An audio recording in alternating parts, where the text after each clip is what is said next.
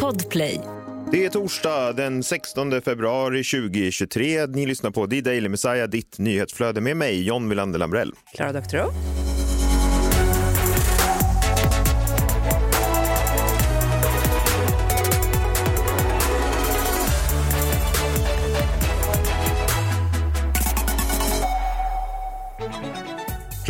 Du? Det är bra, det är mycket bra. Liten sträckning. Jag har liksom börjat gymma igen, eh, alltså lyfter tunga vikter. Och så inser man att man är jättegammal när man direkt får en sträckning någonstans. Och du hade ryggskott förra veckan också. Ja, jag vet. Det är väl nu det börjar. Jag tänker att det är väl stavgång kvar bara för oss.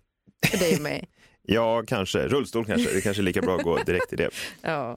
Eh, väldigt taggad för dagens avsnitt. Nu ska vi prata Palme. Nu när vi har liksom fått undan de här två eh, spåren som jag aldrig har gillat. Är du taggad för det? ja, men väldigt taggad. Du menar nu att vi ska gå in liksom på själva lösningen för du tror att du kan ha den? Ja, alltså det är ju liksom lösningen och lösningen. Lösningen med stort L har jag ju inte. Jag har ju inte vapnet så att säga. Nej. Men jag tycker att vi ska börja röra oss mot lösningen. Ja, men det låter spännande. Men eh, har det hänt någonting i världen innan det?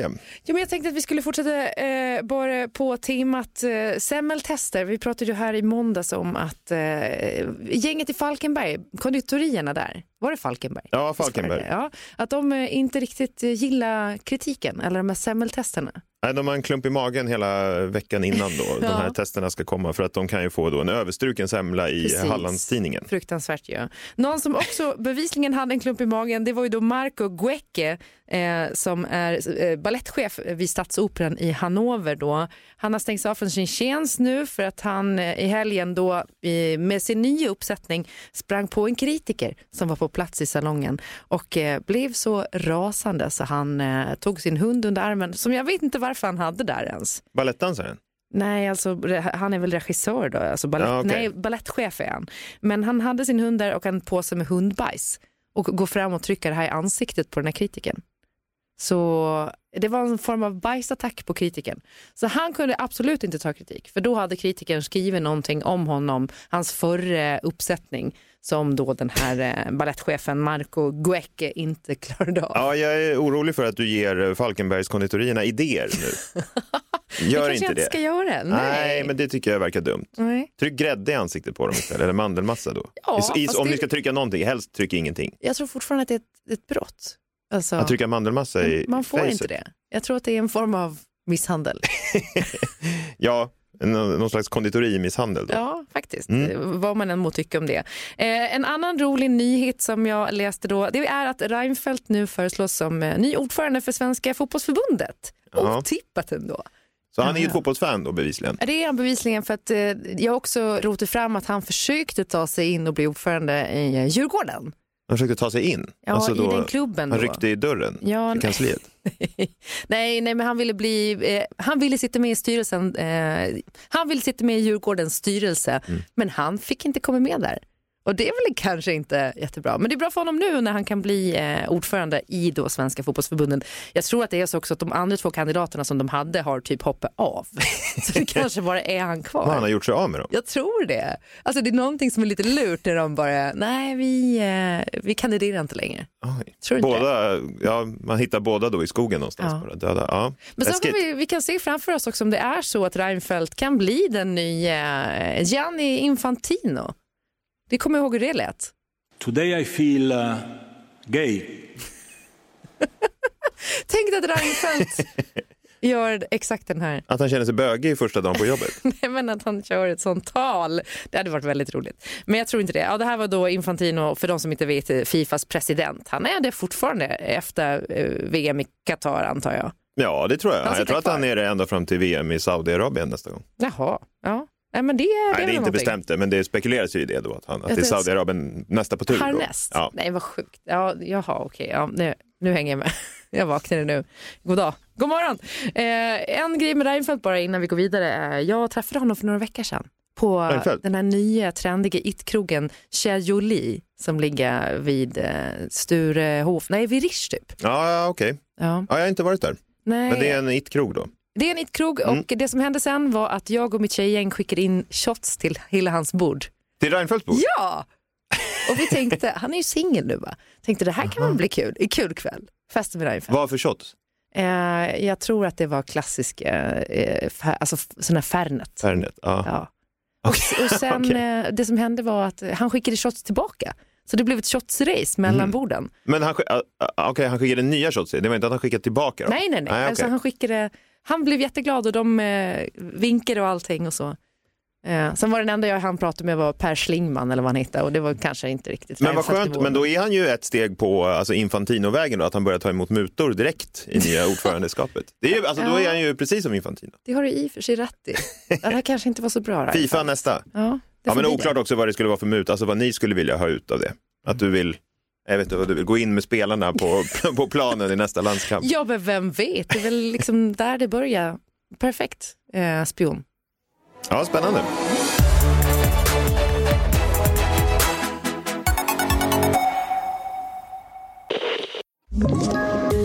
Poddtips från Podplay. I podden Något Kaiko garanterar östgötarna Brutti och jag, Davva, dig en stor dos skratt. Där följer jag pladask för köttätandet igen. Man är lite som en jävla vampyr. Man har fått lite blodsmak och då måste man ha mer. Udda spaningar, fängslande anekdoter och en och annan arg rant. Jag måste ha mitt kaffe på morgonen för annars är jag ingen trevlig människa. Då är du ingen trevlig människa, punkt. Något Kaiko, hör du på Podplay. Därför är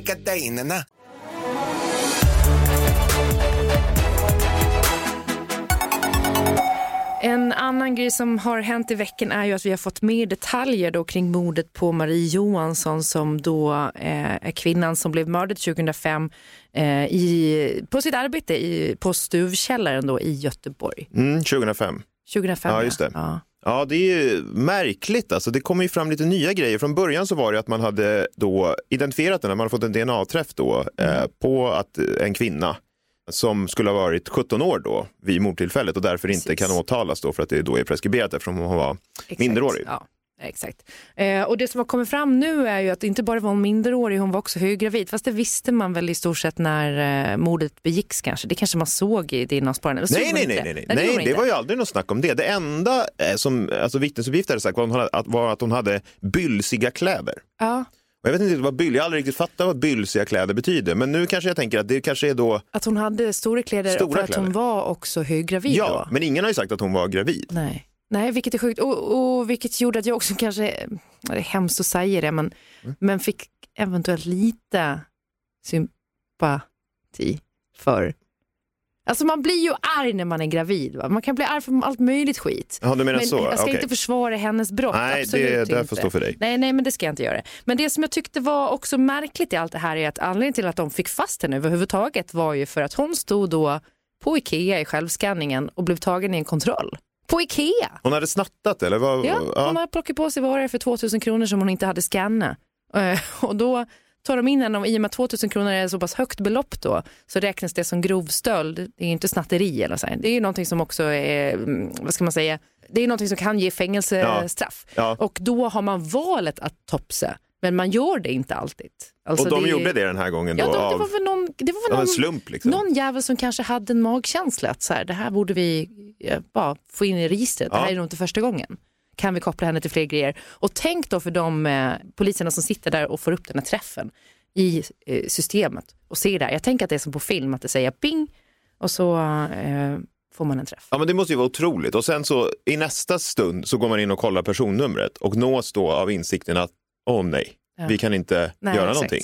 Alltså skönt att ha ett namn men också måste det kännas väldigt tudelat sen att man inte kan Ja, åtala då. verkligen. Som jag fattar det så är det fortfarande lite diskussion om det. Jag hörde något uttalande från åklagaren i det här fallet då om att de fortfarande jobbar på det på något sätt för att se om Mm. Eh, Så att det är inte sista ordet är inte sagt här men det är ett väldigt märkligt fall. Jag har aldrig hört talas om att en eh, höggravid kvinna, 17-åring. 17-åring utför ett mord. Inte, jag tror inte det i alla fall.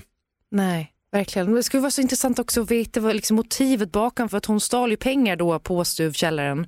Men eh, var det bara det, var det inte meningen att, eller var det så att den här eh, Marie Johansson då gick, försökte liksom gå emellan? Alltså, Mm. Vi vet ju ingenting egentligen. Nej, och vi kanske aldrig får veta. Nej. Jag gillar hur du nästan varje vecka, Klara, eh, liksom leder hela programmet in åt krimhållet. Det är nästan som att det är liksom det är nästan som att du är förutbestämt, som att du har gjort det här förr. jag gillar det och eh, ja, men nu kör vi. Krimmorgon. Ja, tredje veckan av vår eh, Palme-special. Tema mm. Olof Palme, eh, mordet på honom då 1986. Hur tycker du det har gått hittills, Klara? Ja, men det har varit otroligt spännande och jag känner också att jag har, jag har läst rätt mycket om Palmemordet men eh, fått mycket mer kött på benen ifrån dig. Det är jag glad för. Ja, men och det vi har liksom ägnat de två tidigare veckorna åt det är att prata om de, liksom, de två spåren som polisen, i alla fall utredningen, har ägnat eh, ja, men större delen av sin tid åt. Och Skandiamannen nu senast och innan det Christer Pettersson. Nu tycker jag att vi har liksom stökat undan det och idag ska vi prata om hur mordet gick till. Eller vad vi i alla fall kan säga om hur det sannolikt gick till. Kan vi säga något överhuvudtaget? Och ja, det vill jag påstå att vi kan. Vi, jag tänker så här, vi börjar med vad vi faktiskt vet om mordet på Olof Palme. Ja. Vad vet vi egentligen? Eh, Han är död. Ja, men han är död, precis. Vi vet att han blev, ja men grejen är, vi vet så pass lite att det är lika bra att börja där, vad vi faktiskt vet. Och vi vet att Palme blev skjuten med ett då så kallat påsittande skott eh, genom sin kotpelare. Han dog direkt. Ja. Och påsittande skott är alltså att man trycker in alltså pistolen då mot ryggen och skjuter. Det Så kan han man ju såg se. inte sin gärningsman då? Ja, det vet Eller- vi ju absolut ingenting om. Han var inte vänd mot sin gärningsman? Han blev skjuten i ryggen. Eh, och med ett, då, eh, ett påsinnakott, det kan man ju se på, på krutstänk och annat. Då. Vi vet också att Lisbeth blev beskjuten längs ryggen och att eh, ja, genom något typ av smärre mirakel klarade sig då. Hon fick ju bara ett ytligt sår eh, längs ryggen. Vi vet att eh, ammunitionen har ju återfunnits då, två kulor, eh, var en så kallad metal piercing. En ovanlig typ av ammunition eh, som då är tillverkad för att kunna gå igenom skottsäkra västar. Jaha, Eh, avancerad ammunition. Liksom. Ja, men avancerad ammunition kan man säga. Och vi vet då att en sådan ammunition skjuts med revolver då. Troligtvis en 357 Magnum, men det kan man inte heller vara helt säker på. Det kan ha varit någon annan typ av revolver. Och nu ska vi, det är de grejer vi vet. Vi vet ingenting annat. Nej. Det är liksom, allt utöver det kan vi bara spekulera om utifrån vittnesmålen. Och det är det vi ska göra idag. Eh, vi ska prata om vittnesmålen. De som faktiskt såg mordet ske. De som faktiskt såg gärningsmannen.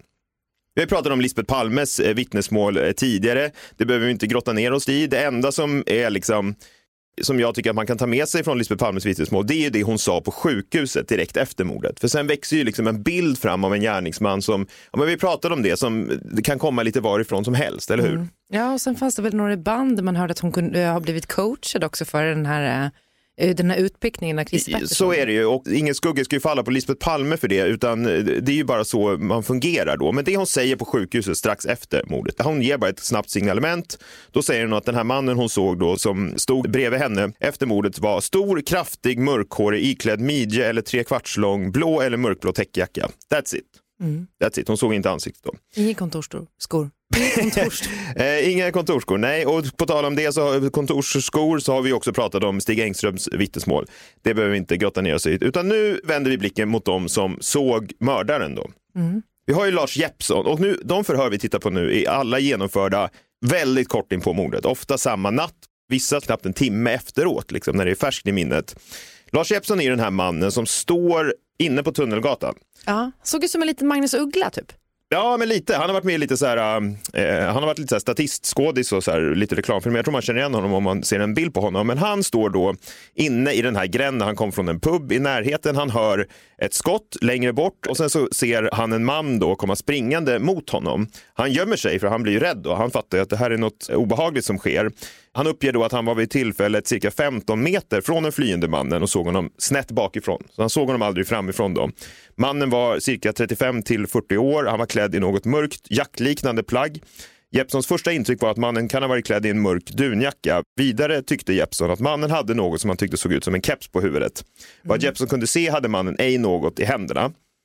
Det är liksom eh, vittnesmål, men jag vill liksom närmare mer för att och här har ju mordet skett. Han ser ju inte mordet ske, Jeppson, utan han ser den här mannen springa förbi. Men det är en person som heter Inge Morelius. Han står parkerad på andra sidan Sveavägen och han kör bil.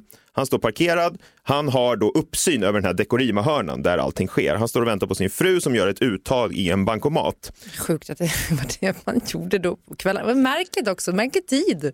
Vadå Ta ut märklig tid? pengar. Vad skulle de göra? 23, 23 och 20. Ja, lite märkligt. Ja, det, Skumt, det är skumt. Fan, inget märkligt att ta ut pengar 23.20 på en fredagkväll. Snackar om Klara, jag trodde du hade levat.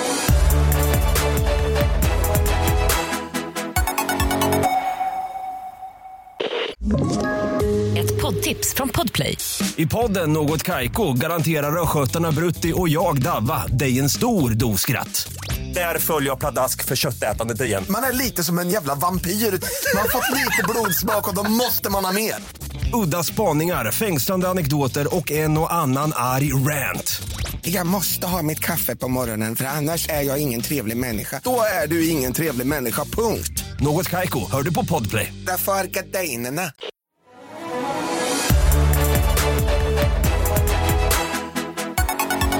Han har hållit i sitt vittnesmål precis samma som det lät på mordnatten. Eh, Jag tänkte att vi skulle lyssna på det, för han gjorde en intervju med eh, Aftonbladet 2016. Det här som jag har liksom tagit med här från det han säger, det är också grejer han säger i de första förhören. Det här är en minut och 30 sekunder av Inge Morelius. Han står parkerad, han sitter och väntar på sin fru. Han har uppsyn över den här hörnan då och han får syn på någonting som han liksom fäster sin blick på. Han är beredd och jag lägger märke till honom för att jag, jag får känslan av att den här killen väntar på något. Eller någon. Jag observerar väl honom i fem minuter. Jag, jag har svårt att avgöra tiden. Eh, efter ett tag kommer ett par, en man och en kvinna. Och de går förbi avfasningen och när de går förbi avfasningen så går den här mannen upp bakom. Gärningsmannen lägger sin vänstra hand på mannens axel och tar upp handen ur fickan och två skott bränner av.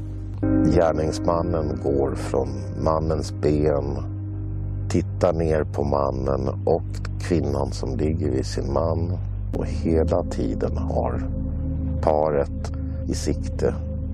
Jag antar att han, han kollade av att han hade gjort det han skulle göra. Ska vi säga, han utnyttjade även innan paret hade kommit så det han rörde sig var väldigt effektivt. Så skulle jag vilja uttrycka mig. Vältränad. Mer eh, åt elit ja, min, militär. Någon som verkligen vet hur man ska utnyttja varenda del av sin kropp utan att bränna för mycket energi. Klar avrättning. Han visste precis vad han skulle göra och hur. Det fanns ingen som helst tvekan. Det var en slakt. Och det var en slaktare, det var en bödel som visste precis vad han ville. Ja, det här var ju Inge Morelius, det är ju lite så här dramatisk musik och så, det är Ja, men Aftonbladet. han är väldigt dramatisk också i sin beskrivning men det kanske har blivit så över tid att han har blivit säkrare i sin... Nej, alltså han, det här som han, eh, ja men vissa grejer som jag har tagit bort är lite så här, det här, är- det här stod inte i första förhöret och sådär, men det här är den liksom bild han har gett redan från början. Ja, efter, direkt efter mordet. Ja, exakt. Och han har ju alltid varit emot det här med Christer Pettersson, att det var en pundare och så här. Utan Du hör ju vad han beskriver för en typ av gärningsman. Mm. Ja, det här är ju ett proffs som har gjort det här. Ja, exakt. Och det som är intressant är ju, han säger ju alltså att han bevittnar den här mannen fem minuter innan skotten. Och på hans frus bankomatkvitto står det 23 och 18. Hon var alltså ute och tog ut pengar precis bredvid. Mordet skedde 23, 21, 30. Så det är ju två och en halv minut innan. Så även, man överskattar ju alltid tid. Om man säger fem minuter så skulle det lika gärna kunna vara två och en halv minut. Ja. Så det handlar ju om kanske två och en halv minut, tre minuter, vilket är ju en evighet. Ja, och på den tiden så satt han ju inte och glodde i någon smartphone utan han hade ju ingenting att göra förutom att sitta och titta ut genom fönstret. Det är precis det han Som han säger. ju. Han tittar ju lite dit, han får syn på den här mannen, han kollar bort lite, de här kommer och sätter sig och sen så, så där. Så han tittar lite fram och tillbaka då. Så det bevisas ju, han satt ju där liksom. Man har ju hennes bankomatkvitto. Och så säger också Inge Morelius i alla sina förhör genom åren att det är något med den där annonspelaren, något som jag inte kan komma ihåg vad det var. Och den här annonspelaren ligger typ 10 och sen i något förhör säger han, jag tror att de kanske möttes där. Den här annonspelaren är inte belägen vid den här hörnan utan en bit norrut på Sveavägen där makarna Palme kom ifrån, då 5-10 meter ungefär. Så inte jättelång tid, men en bit. Och det här ska vi återkomma till. Men står det inte kvar en annonspelare där fortfarande än idag? Nu är det en lyktstolpe, men den står ungefär där. Så om man är där i krokarna så leta efter lyktstolpen som står 5-10 meter norrut på Sveavägen. Ett annat förhör då med en person som såg det här är Anders Delsborn. Han är en taxichaufför och sitter i en bil. Han kommer fram då till korsningen Sveavägen, Tunnelgatan och får rött ljus. Ingen bil står till vänster om honom, ingen bil står till höger om honom. Och han säger så här då, eh, mindre än en timme efter mordet. Delsborn har uppfattat situationen så att han i samma stund som han tittar åt vänster ser tre personer, ett par och en man, stå och samtala med varandra i korsningen Sveavägen-Tunnelgatan. Mannen som Delsborn något senare såg avlossa ett skott mot paret stod med ryggen mot Delsborn. Omedelbart som Delsborn startat färden igen hör han en kraftig smäll som kommer från det håll som han har sett de tre personerna stått och samtalat. Delsborn som hunnit ut i korsningen vänder på huvudet samtidigt som han hör ytterligare en kraftig smäll samt ser en rökflamma från det vapen som mannen med ryggen mot husfasaden håller i sin högra hand riktad mot paret. Vapnet uppfattar Delsborn som ett vapen med ovanligt lång pipa. Delsborn ser hur mannen som blivit beskjuten faller omkull. Mannen som avlossat skottet springer från platsen. Ja, det som Delsborn uppfattade av mannens klädsel var att han hade en grå herrhatt samt en gråaktig ulster med svarta stängt. Vad är en ulster? Ja, men det är väl någon slags rock. Eh, av mannens ansikte uppfattade Delsborn inte någonting på grund av att hatten var långt neddragen över pannan. Var det någonting i det vittnesmålet som du tyckte var intressant? Eh, ja, att de pratade. Mm, visst va. Här har vi Jan Andersson. Han sitter också i den här bilen. Eh, han uppger att han satt i en bil när han hörde två skott avlossas med markant mellanrum. Efter första skottet tittar han mot detta, ser en man ramla ihop, ser ej vapen eller vem som skjuter. Det som Jan Andersson uppfattade som gärningsman och sprang Tunnelgatan mot Regeringsgatan uppskattar han till en ålder av cirka 40 år. Han var iklädd mörka kläder och Jan är också säker på att han var iklädd en minst knälång ytterrock som fladdrade när mannen sprang, precis som om den varit oknäppt. Han var också svarthårig och barhuvad. Och det kan vi säga om huvudbonad eller ej. Det, är liksom, det kan vi inte konstatera någonting om. Hälften Nej. av vittnena säger huvudbonad, hälften säger helt Ingen. säker på att han inte hade något på huvudet. Ja. Men här är då en intressant grej som leder oss in på nästa vittne. För Jan Andersson iakttog en man som direkt i samband med gärningen tog sin tillflykt till en närbelägen port. Denne mans beteende verkade för Jan mystiskt och han fick det intrycket att han troligtvis var helt chockad. Därför släppte inte Jan denna man ur sikte förrän en kvinnlig polis fick kontakt med mannen och började nedteckna uppgifter. Jan är helt säker på att mannen måste ha sett det mesta av själva gärningen. Och vem är denna man då, Klara? Jo, det är Anders Björkman. Och här är hans förhör från samma natt. Det här är alltså mannen som Jan Andersson sa måste ha sett allting på väldigt nära håll. Här är hans vittnesmål. Samma natt. Björkman berättar följande. Han hade under kvällen varit på firmafest. Då han och hans sällskap gick från restaurangen gick de ner för trapporna till Kungsgatan och vidare upp mot Sveavägen. De fortsatte neråt på Sveavägen på den högra sidan av gatan och gick ner till en bank som låg cirka 50 meter ifrån Tunnelgatan för att hämta pengar. Då han stod utanför banken tänkte Björkman plötsligt om och bestämde sig för att jag vill åka hem. Så han började gå tillbaka mot Hötorget där de kom ifrån. Han lämnar sitt sällskap och på väg upp mot Kungsgatan går det tre personer framför Björkman som ser ut att vara i sällskap med varandra. Björkman uppfattar personerna framför sig som att det var en man som gick närmast husen och som höll om en kvinna i mitten samt en kvinna som gick längst ut mot gatan. De såg alla ut att vara i samma längd.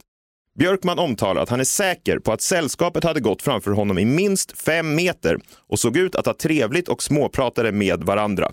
Plötsligt hörde Björkman två stycken smällar som lät som påsksmällare från sällskapet framför honom på cirka tre meters avstånd och ser då hur en person som går i mitten plötsligt segnar ner på gatan. Mannen som sköt försvinner direkt in på Tunnelgatan. Björkman själv gömmer sig hastigt i en port som finns i närheten då han ser vad som händer. Björkman omtalar att mannen som sköt var klädd i en mörk eller mörkblå stickad mössa som var ihoprullad ett par gånger samt ett mörkt rockliknande plagg som gick ner till knäna. Björkman omtalar vidare att han fick den bestämda uppfattningen att nämnda sällskap verkade känna varandra och gått tillsammans en längre sträcka samt att kvinnan längst ut mot gatan blev synnerligen förvånad när skotten kom. Ja, så ja, men här... att det skulle varit en kvinna till då? Ja, men det, är, Ja, men alltså, det är svårt det är att svårt säga. att säga. Men alltså, ja, det är ju, nej, alltså han uppfattar att det är en kvinna som går i mitten, men det skulle ju vara Olof Palme då. Ha, Men ja. det som är intressant är ju det här att här Han har såg vi ut som en liten kvinna, det kan jag faktiskt hålla med om. Ja, han var ju lite kortare och sådär. Men, eh, ja, men också, här har vi ytterligare ett vittne som pratar om att de har pratat med varandra. Alltså, han beskriver ju ett sällskap på tre här, inte någon som bara dyker upp och skjuter. Och han är ju den som går närmst då. Och så har vi Nicola Fauci. Jag ska läsa här från hans vittnesmål. Han är en kock då han är på väg hem. Nicola Fauzi går på Sveavägen i riktning norrut. När han var i höjd med Bonnierfastigheten Sveavägen 56 mötte han paret Palme. Lisbeth och Olof gick bredvid varandra. Olof gick närmast väggen. Fauzi passerade dem och gick då närmast gatan. Han tittade på dem och kände igen dem. Han passerade dem dock utan att hälsa. Fauzi hade känt igen dem på en 10 meter innan han möter dem. Fauci tror inte att han mötte någon annan person på Sveavägen förrän han mötte Palme. Fem till tio meter efter paret Palme gick en man. På gången fick Fauci intrycket att mannen var äldre. Han hade på sig en blå jacka. Jackan liknade Tenson-jackor, säger han här. Något annat märkte dock inte Fauci. Faucis första tanke var att mannen var deras säkerhetsvakt. Okej, så ser du eh, bilden framför dig här. Fauci kommer gående, han ska hem efter jobbet, han ser paret Palme och tänker oj, shit, där är statsministerparet ute och går. En man går bakom som är, aha, han kanske är deras säkerhetsvakt då, men sen när han passerar mannen så tänker jag, men han är lite för gammal för att vara säkerhetsvakt. Han ser inte ut som en säkerhetsvakt. Fauci fortsätter att gå Sveavägen norrut. Han möter ingen person. Han passerar korsningen med Kammakargatan. När Fauci har hunnit gå några meter efter korsningen med Kammakargatan hör han två skott. Det är cirka en till två sekunder mellan skotten, säger han. Och när han hör skotten så tänker han, nu är det Palme som har blivit skjuten. Han fortsätter dock att gå några steg, cirka 10 sekunder. Men när Fauci sen vänder sig om så ser han hur en person ligger ner på gatan längre bort. Han står kvar där och tittar. Och efter några sekunder lägger Fauci märke till en man som är halvvägs in i en port, eller en slags entré. Mannen är sedan försvunnen en stund för att sen upptäckas igen då han lutar sig ut. Och då ser Fauci den här jackan och säger det här är ju den mannen som gick efter paret Palme. Och det är ju Anders Björkman. Vars vittnesmål vi läste tidigare. Det är alltså inte gärningsman utan det är Anders Björkman. Han hoppar in i en port direkt. Ja, gömmer sig ja. Och han är känner igen honom då. Vad är grejen med Faucis vittnesmål då? Ja, två grejer. Dels så säger han ju han har inte sett någon annan följa efter paret Palme än den här Anders Björkman. Ingen alls. Han går ju där och han har ju stenkoll. Han känner igen Palme. Han är nykter. Han känner precis igen den här Anders Björkman. Det är ett solitt vittnesmål får man ju säga. Det stämmer liksom med andra vittnesuppgifter. Han tänker direkt att det är Palme som är skjuten. Men det finns ju något väldigt märkligt med det här vittnesmålet. Något väldigt märkligt alltså. Och som jag, ja men det har hållit mig upp eh, många nätter. Att han fortsätter att gå några sekunder. Nej, inte det alls. Eh, utan eh, om man kan sina gatukorsningar längs Sveavägen Ja, så vet man då var korsningen Kammakargatan ja, den ligger. ligger ju uppe vid ABF. Du, den ligger precis, den ligger rätt långt bort alltså. Och eh, det här kollar ju polisen upp direkt då. Det vill säga, han möter paret Palme cirka 60 meter innan Dekorima, hörnan. Och när han sedan då fick provgå, Nicola Fauci, de sa gå i den takt du gick i och tills du hörde skotten. Det tog en minut och 35 sekunder. Från då att han ser paret Palme, passerar dem, tills att han hör skotten. En minut och 35 sekunder. Och makarna Palmes gångväg då, hur lång var den? Fram till mordplatsen? Ja, vad kan den vara? 200 meter 52 kanske? sekunder. Ja. Vad är konstigt med det då, Klara? Ja, men att det går ju inte ihop tidsmässigt. Hur kan det, det går inte ihop tidsmässigt. Det vill säga, det kan inte ta makarna Palme 52 sekunder att gå en lika lång sträcka som det tar Nicola Fauci en minut och fem, 35 sekunder. Nej, det är liksom inte precis. möjligt. Nej, nej. Vad händer? Det är 43 sekunders mellanrum. Det är Ja, 43 exakt. sekunder som saknas där. Vad händer under de här 43 sekunderna? Men du vet att jag bodde i eh, biograf Grandhuset va? Vad är det sant? Ja, jag har bott där flera år. Såg du någon grannman? Nej, men det var därför jag tänker att det är väldigt långt bort till Dekorima, det är det verkligen. Ja, ja, alltså det är långt och det är, det är 43 sekunders eh, mellanrum som, ja, var är de här 43 sekunderna? Och då kan man säga, nej men Fauci har helt tagit fel på plats och allt, så, men inget annat i hans vittnesmål tyder på att han tar fel på någonting. Han tar ju rätt på allt. Varför ska han inte ta rätt på den här platsen? Och då är frågan, vad händer under de här 43 sekunderna? Det vet vi inte. Men, ja, så där är några liksom, av de centrala vittnesuppgifterna av de som har sett mordet eller sett Palme i nära anslutning till mordet. Och vad skulle du vilja dra för slutsatser när vi gått igenom det här, Klara? Det känns ju som att det är en eh, hitman. Alltså det är ett proffs som har gjort det här. Och som också lyckas att ta sig därifrån relativt osedd. Ja, nästan helt osedd får man säga. Ja. Ingen kan ju knappt säga hur han ser ut. Liksom. Precis. Eh, ka- Kanske någon då, om det var så att den här personen pratade med makarna Palme först, ändå ville säkerställa sig om att det faktiskt var dem. Ja, precis. Och därpå när de vänder sig om igen och fortsätter gå så lägger han handen på axeln och skjuter eh, och försöker skjuta den båge. Men det är lite slarvigt att han inte eh, liksom lyckas att träffa Lisbeth bättre. Mm, kanske. Tycker jag. jag. tycker att man kan dra tre slutsatser av vittnesuppgifterna. Kan, är de hundraprocentiga? Nej, de är inte hundraprocentiga, men de är mer sannolika än osannolika i alla fall. Ja. Och de är då ett. Utseendemässigt har gärningsmannen en trekvartslång rock som fladdrar när han rör sig. Det säger nästan alla vittnen. Det låter i och för sig som Stig Engström. Jo, jo, men vi har redan gått igenom att Stig Engström befinner Ja, sig, ja, ja, han, han är, kan utan, inte. han är Nej, det långt bort inte. därifrån. Nej. Gärningsmannen har mössa eller svart hår. Mm. Ingen säger att han är blond eller inte har något hår. Liksom. Nej, mörk liksom. Ja. Eh, klädd i genomgående mörkt. Han är cirka 180 centimeter lång, det vet man också från var ingångshålet på Palme är. Eh, två, Det här är ju en gärningsman som, precis som du sa Klara, som verkar veta vad han gör.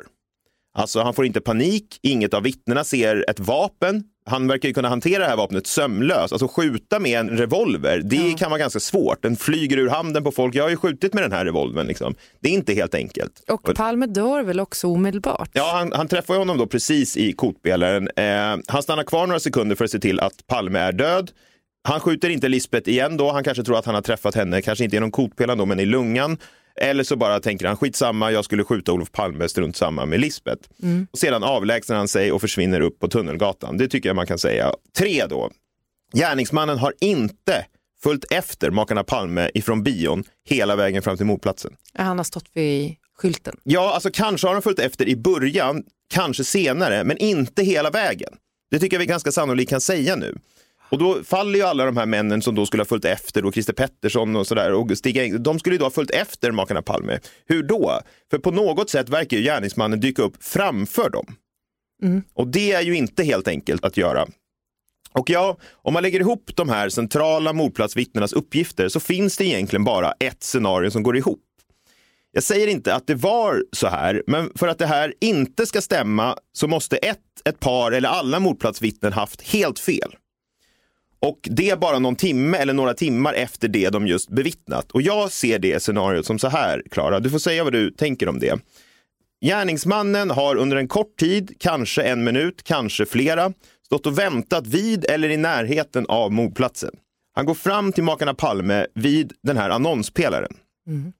Den här annonspelaren står precis där Anders Björkman som går bakom dem sen säger sig se tre personer framför. Den här Inge Morelius är också inne på att de kanske möttes vid annonspelaren. De talas vid i 43 sekunder. Alternativt så stannar makarna Palme upp av någon annan anledning i 43 sekunder. Sedan slår de följe de sista metrarna fram till mordplatsen. Då ses de av Anders Björkman som är precis bakom. Han uppfattar ju att de är ett sällskap på tre personer och pratar med varandra. Sedan tar gärningsmannen upp sitt vapen ur sin rockficka och skjuter Palme i ryggen. Sedan springer han därifrån och försvinner i mörkret. Det tycker jag är det mest sannolika scenariot baserat på de här vittnesuppgifterna. Ja, men vad, vad har Lisbeth sagt i sitt första förhör här? Ja, men grejen är att så här, Lisbeth har ju egentligen inte sagt så mycket. Hon har ju sagt att ja, vi gick på gatan, sen hörde hon någon typ av smällare och sen såg hon Palme ligga ner. Så hon kommer inte ihåg att hon pratade med någon eller att hon... Hon säger ju inte det, men hon har heller inte fått frågan. Det har ju knappt genomförts några förhör med Lisbeth Palme och alla de som har haft med henne att göra har ju sagt att hon var svår och så hon gillade inte att bli förhörd. Det fick inte skrivas ner, det fick inte, det fick inte spelas in. Hon hade väldigt tydliga regler då och det är så här, det kan man ju klandra henne för, men man kan också säga att hon hade väl sina motiv till det. Jag vet inte vad de var, men hon ville att det skulle skötas på ett visst sätt och det här lät ju då utredningen, eller de tillgodosåg de här önskemålen, vilket det var ju fel. Var hon rädd tänker du? Men det, hon kanske var rädd, hon kanske inte ville att det skulle komma i media vad hon sagt. Jag vet det, hon kanske liksom misstänkte en person som hon var rädd för. Jag vet inte varför, men hon får heller inte att hon fråga. kom undan också liksom. Hon var ju också påskjuten, hon kanske liksom var livrädd med all rätt. Det där kan vi bara spekulera i, men kontentan är, hon fick aldrig frågan om de pratade med gärningsmannen. Nej. Hon beskrev ju bara, men hon har ju aldrig sagt att de gjorde det. Hon har ju bara beskrivit att de gick längs gatan och sen så föll Palme ihop. Men det här scenariot som jag beskrev besvarar ju inte frågan om vem eller vilken typ av person som gjorde det. Vilket motivet var. Liksom. Man kan ju säga att han är iskall, jaha, men vem är det då? Men vi måste liksom ta ett steg i taget här, tänker jag. Nu har vi bildat oss en uppfattning av hur det kan ha gått till nere på Sveavägen, i alla fall sannolikhetsmässigt. Och nu är det dags att rikta blickarna mot motivet och framförallt då mot ett par väldigt märkliga sammanträffanden som sker i anslutning till mordet.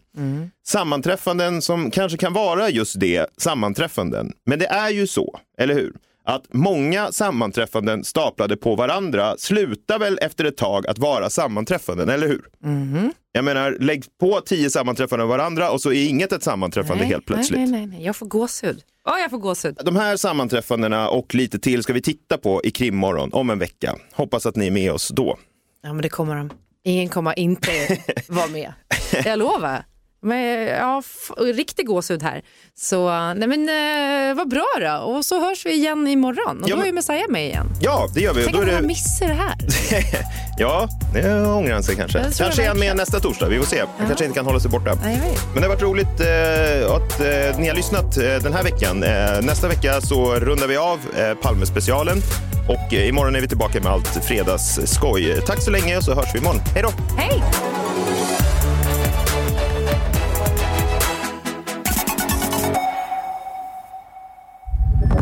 Podplay, en del av Power Media. Ett poddtips från Podplay.